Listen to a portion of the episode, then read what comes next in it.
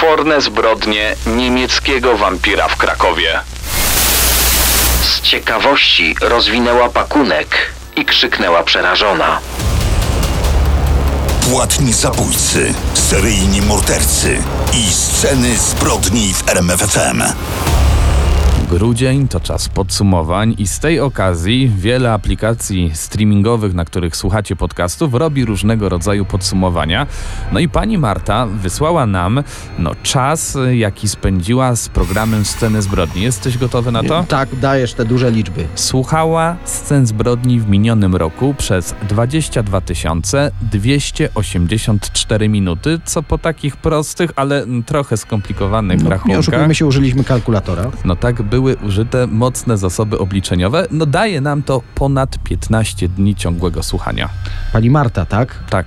Pani Marto, 15 dni. To myśmy nawet tyle czasu nie nagrywali te podcasty, ile pani słuchała. Ale niewiele krócej. A w związku z tym, że mamy takie piękne daty i piękne jubileusze, zapraszamy Was na premierowy odcinek pod tytułem Kryminalny Kraków. Tradycyjnie zapraszają A może właśnie nietradycyjnie? Dlaczego chciałeś powiedzieć Daniel Dyg i Kamil Barnowski? A powiedzmy na odwrót. Kamil Barnowski, i Daniel Dyk. dzień dobry. Daniel Dyk i Kamil Barnowski prezentują sceny zbrodni w RMFFM.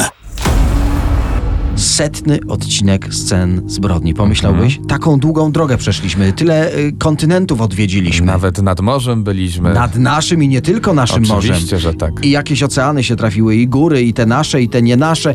No w każdym razie długą drogę przebyły sceny zbrodni, żeby znaleźć się z powrotem w Krakowie. Wszędzie dobrze, ale w domu najlepiej, chociaż w tym wypadku to powiedzenie akurat no, niezbyt dobrze pasuje. Wyjaśnijmy dzisiaj zbrodnie z krakowskich kronik kryminalnych. Każde miasto ma swoje mroczne sekrety, a Kraków to bardzo duże i bardzo stare miasto, więc tych sekretów ma naprawdę wiele. Wybraliśmy dla Was naprawdę mocne sprawy kryminalne. Już za moment opowiemy o przerażających przesyłkach, jakie ktoś nadał na dworcu w Krakowie.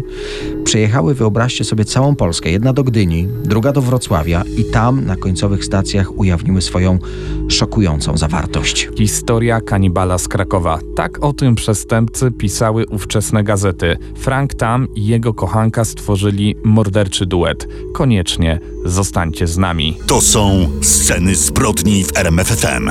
Śledź z nami kulisy największych przestępstw. Wiesz co, tak na szybko sobie posłuchałem naszych podcastów i tam już przy okazji drugiego, trzeciego, czwartego odcinka mówiliśmy, że to jubileuszowy.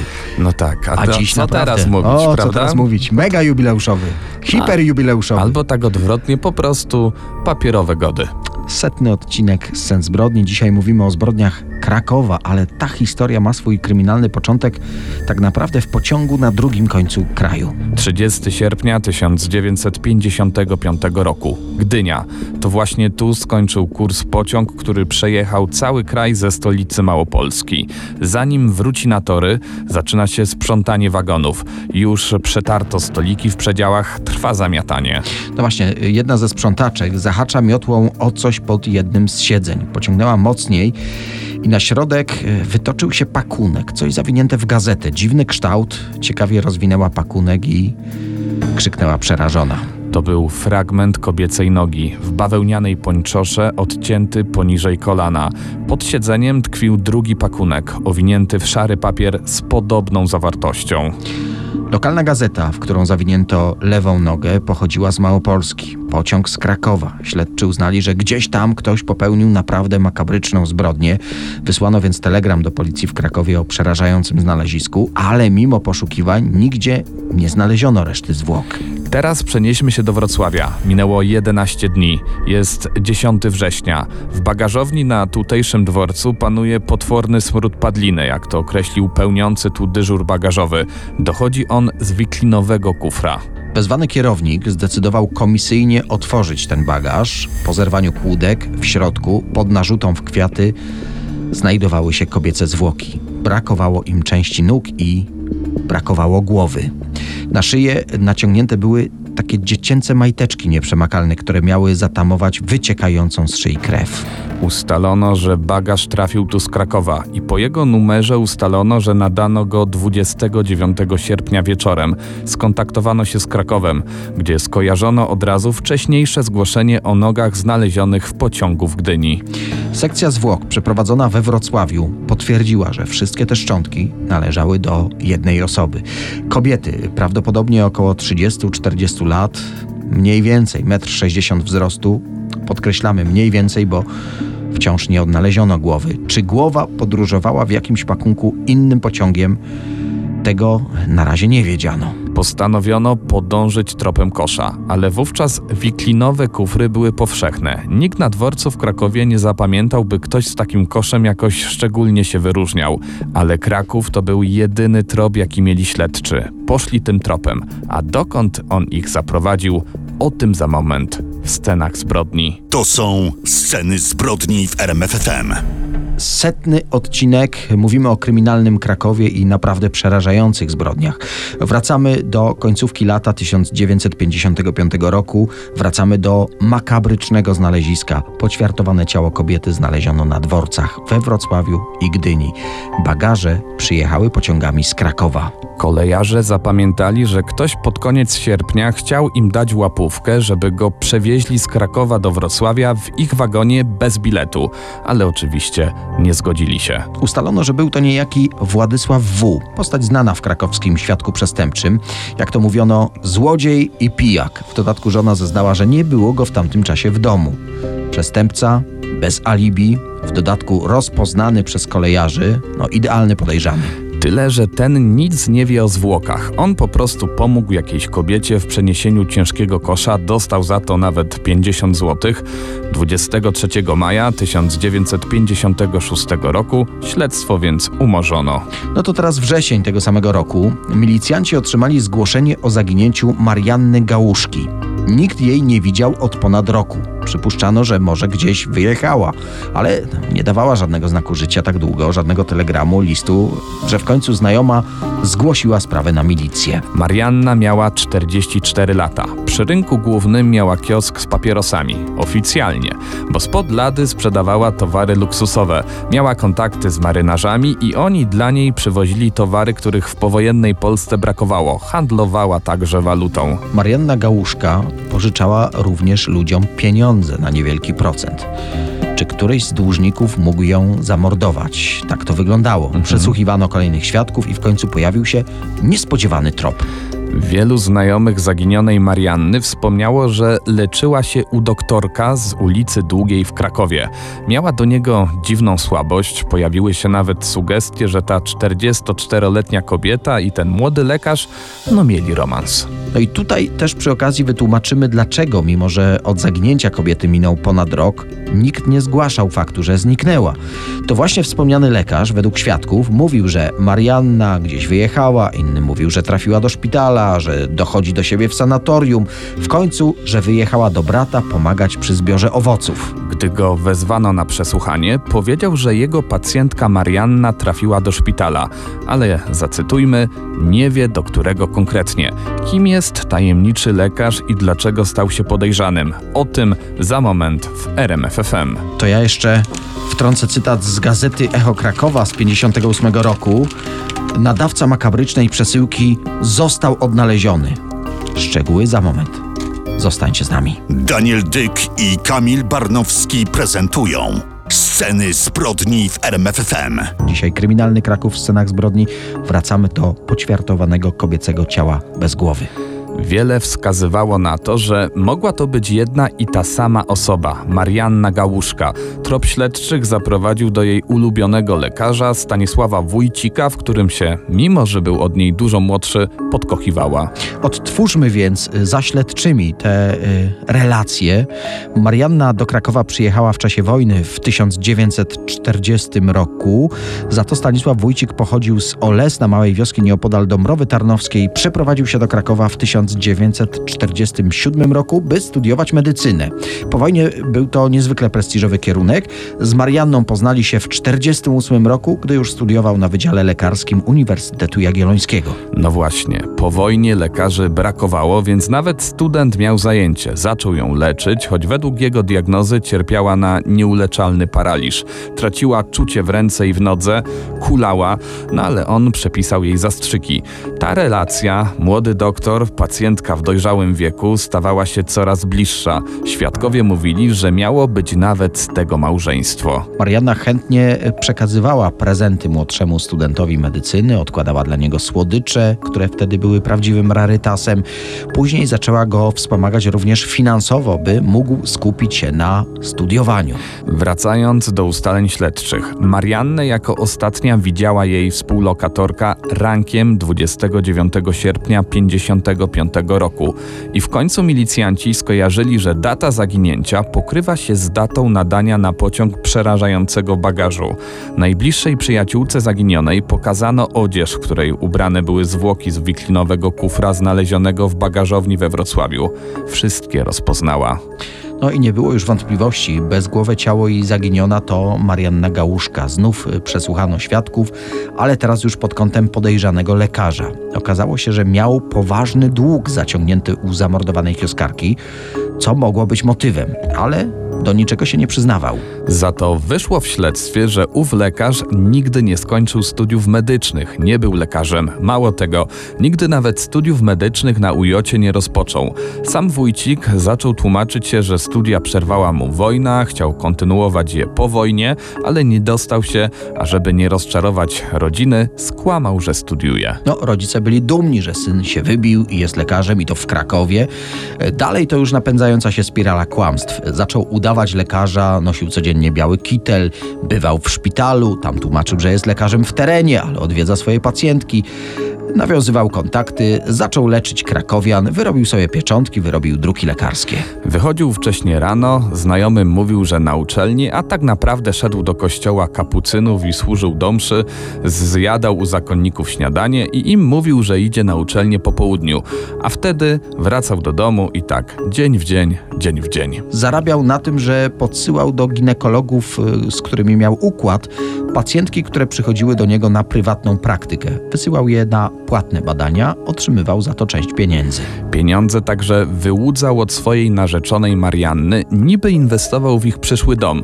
W rzeczywistości był od kilku lat żonaty i miał dwuletnią córkę. Ostatecznie wójcika obciążyli sąsiedzi. Widzieli, jak pod koniec sierpnia 55 roku siłuje się z jakimś wyklinowym koszem na klatce schodowej ich kamienicy i że widzieli krew na jego kitlu. Nawet podejrzewali, że może ten lekarz, ginekolog robił jakieś niedozwolone zabiegi i jakaś pacjentka mu zmarła w gabinecie, ale to było tak niedorzeczne, że zapomnieli o tym oczywiście do czasu, gdy gazety krakowskie opisały zatrzymanie lekarza.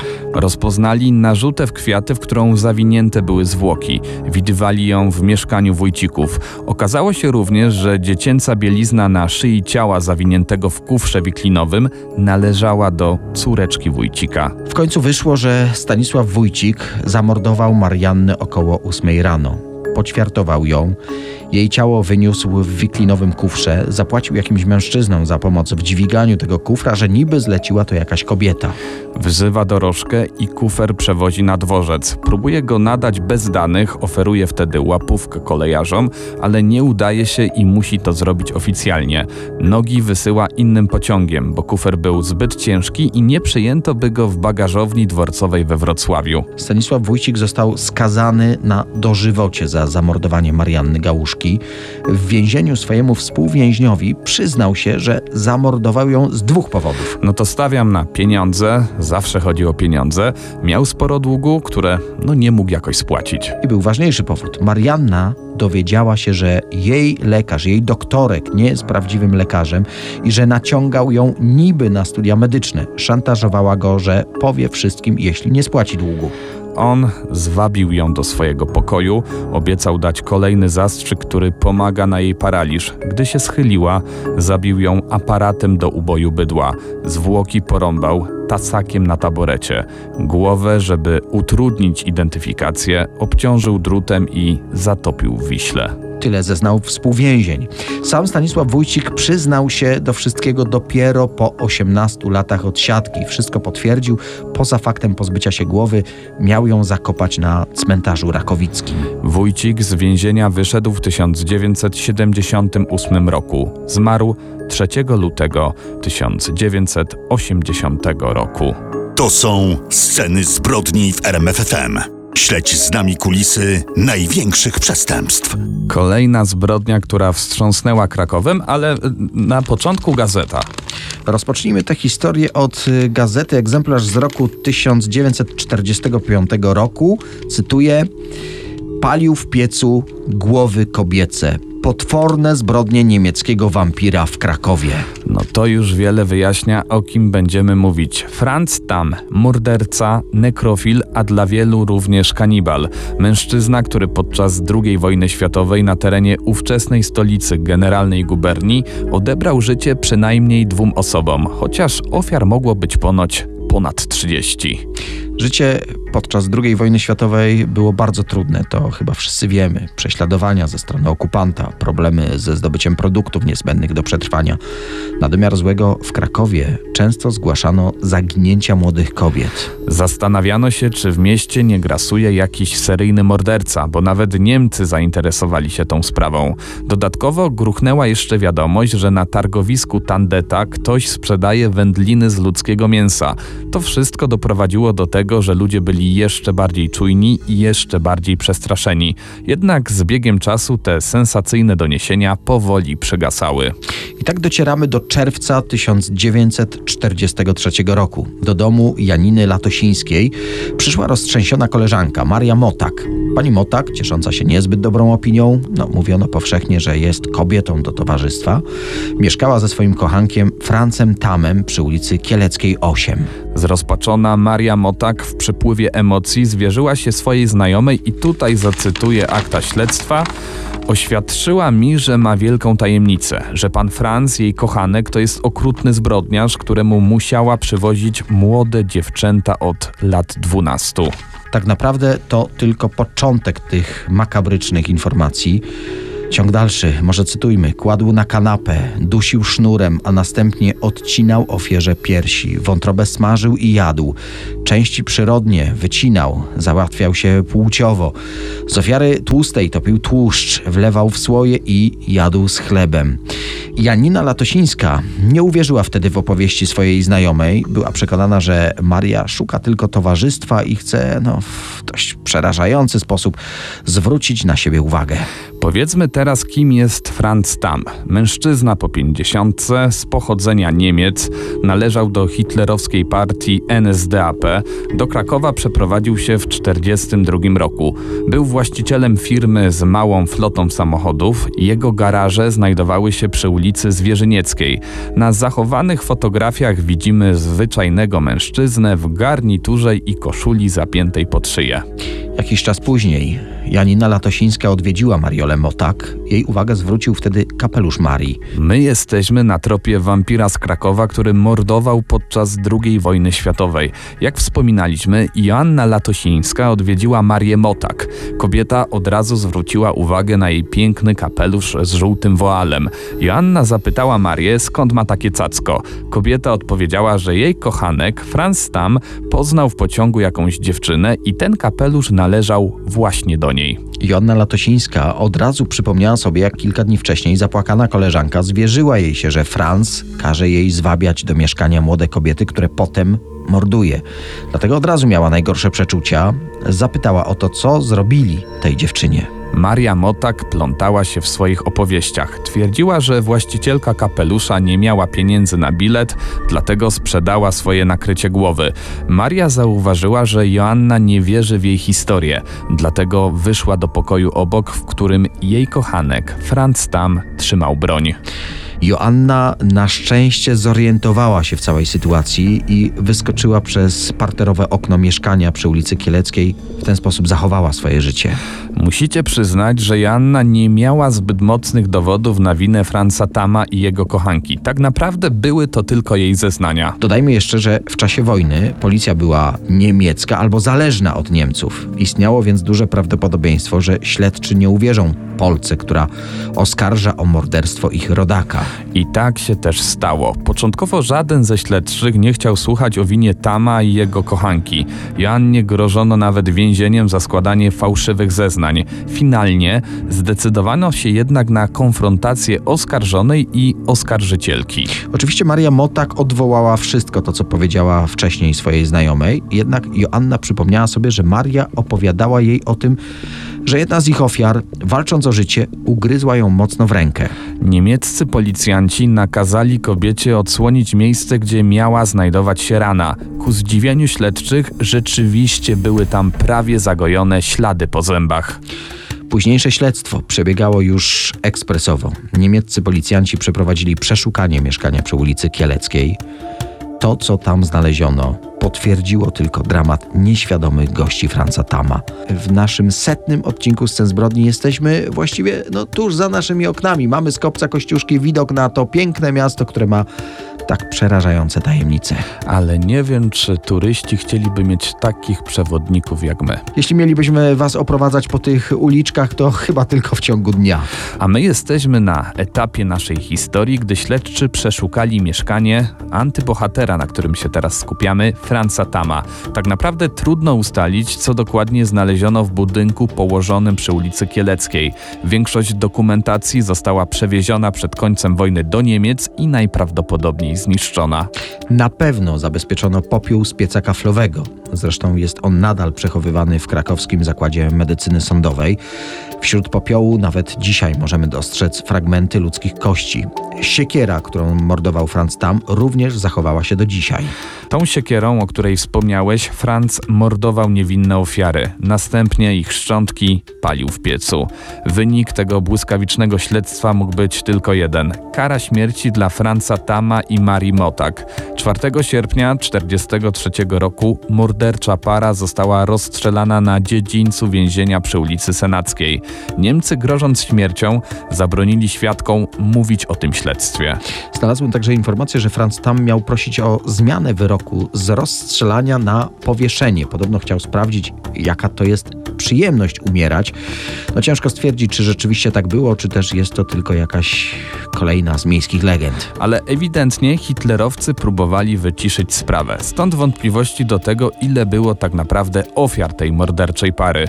Ale bardzo popularna była też alternatywna historia na temat tego, jak odkryto, że Franz jest mordercą. Według tej wersji koleżanka Marii Motak chciała napalić w piecu, ale gdy otworzyła drzwiczki, zauważyła tam ludzką głowę.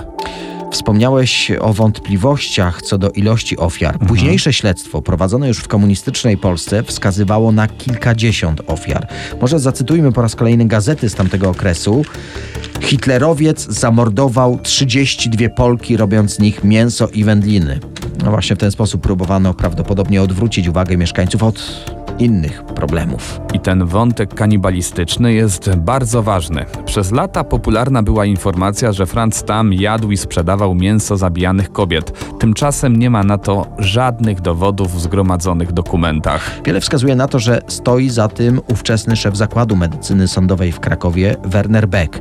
Chciał prawdopodobnie zrobić karierę na sensacyjnej historii kanibala z Krakowa. Co więcej, Beck studiował we Wrocławiu, wtedy gdy w okolicach tego miasta mordował prawdziwy kanibal Karl Denke, znany jako wampir z Ziębic. Polecamy odcinek podcastu Dorwać bestie właśnie na ten temat. Podsumowując, wiele wskazuje na to, że Beck, zainspirowany historią z czasów studenckich, chciał zrobić z Franca Tama kanibala handlującego ludzkim mięsem, by nadać tej sprawie, którą się przecież zajmował, dodatkowy chory rozgłos. Sceny zbrodni w RMFFM.